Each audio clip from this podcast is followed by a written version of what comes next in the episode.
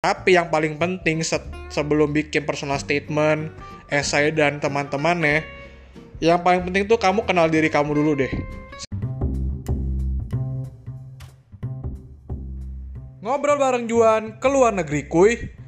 28 Days Challenge.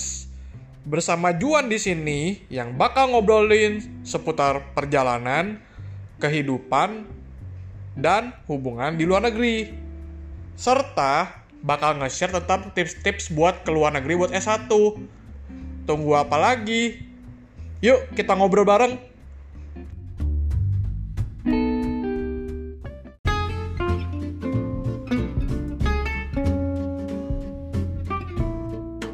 Halo pejuang, selamat pagi, siang, sore, malam, kapan pun kamu mendengarkan, semoga kamu selalu sehat dan bahagia bersama Juan yang hari ini bakal ngebahas seputar tips membuat esai yang cakep untuk keluar negeri.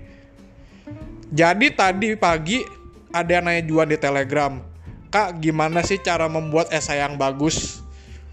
Terus aku tanya lagi sama orang yang pernah apply beasiswa. Karena statusku ini, jujur aku bukan orang beasiswa, jadi aku harus validasi ke orang yang apply beasiswa. Nah, setelah aku cek beberapa jawaban di grup dan tanya-tanya juga sama appliance ini jawaban dari mereka untuk mendapatkan beasiswa maupun keterima di uni bagus gitu. So langsung aja kita move to tips number one. Oke sebelumnya kelupaan sih.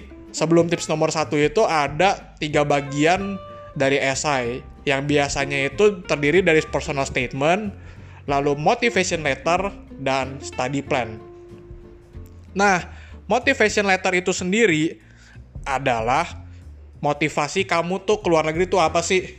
Nah, pastinya kamu ke luar negeri itu kan harus punya motivasi yang kuat supaya kampus itu yakin mau nerima kamu yang bisa kontribusi ke kampusnya juga gitu. Jadi si kampus itu juga semangat ngajarin kamu, dosen-dosennya juga semangat ngajarin kamu dan memfilter orang-orang yang tidak mau belajar sama sekali.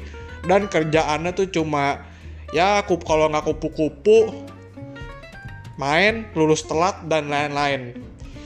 Terus yang kedua tuh adalah study plan di mana kamu akan menceritakan apa sih kamu rencana studi di kampus itu terus apa kontribusi kamu nanti ke kampus itu sama setelah lulus tuh kamu mau ngapain?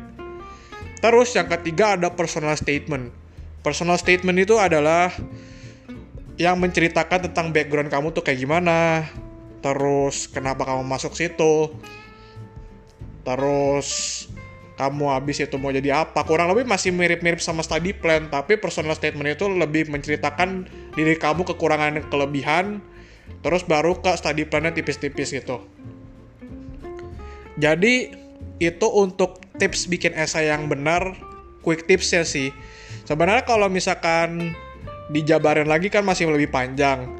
Tapi aku pengen pejuang tuh riset-riset sendiri juga gitu cara bikinnya tuh kayak gimana. Nanti kapan-kapan kita bahas lagi lebih dalam seputar personal statement dan teman-temannya ini. Gitu. Nah, tapi yang paling penting se sebelum bikin personal statement, esai dan teman-temannya, yang paling penting tuh kamu kenal diri kamu dulu deh. Serius karena kenapa? Kan kalau mau milih kampus itu harus cocok sama diri kamu supaya kampusnya pun juga yakin kalau kamu tuh layak masuk univ itu. Terus jangan lupa juga untuk pilih tempat yang cocok dengan kamu. Make sure ketentuan-ketentuan itu kamu baca dengan teliti dan kalau bisa dipersiapkan sedini mungkin. Karena kenapa? Karena makin kamu udah gede kelas 12-an itu biasanya kan sibuk ujian, sibuk UN dan teman-temannya.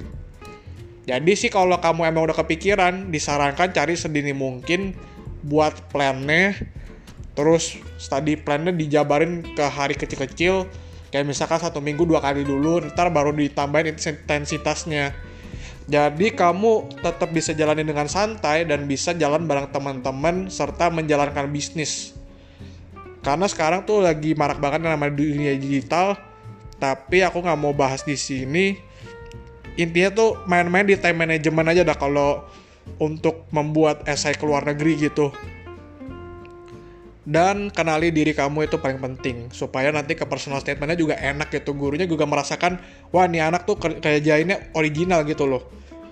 Nggak yang ngikutin template orang habis itu kamu ubah-ubah kata. Itu kan kalau di universitas kan masuknya plagiarism. Jadi pasti nggak original lah gitu lah. Nggak original sumpah dan bakal nyebelin juga jatuhnya. Kok kayak copy pas punya orang gitu. Sedangkan kan yang mau masuk uni kan kamu.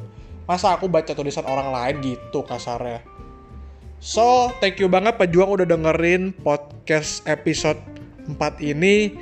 Dan sampai jumpa di podcast selanjutnya.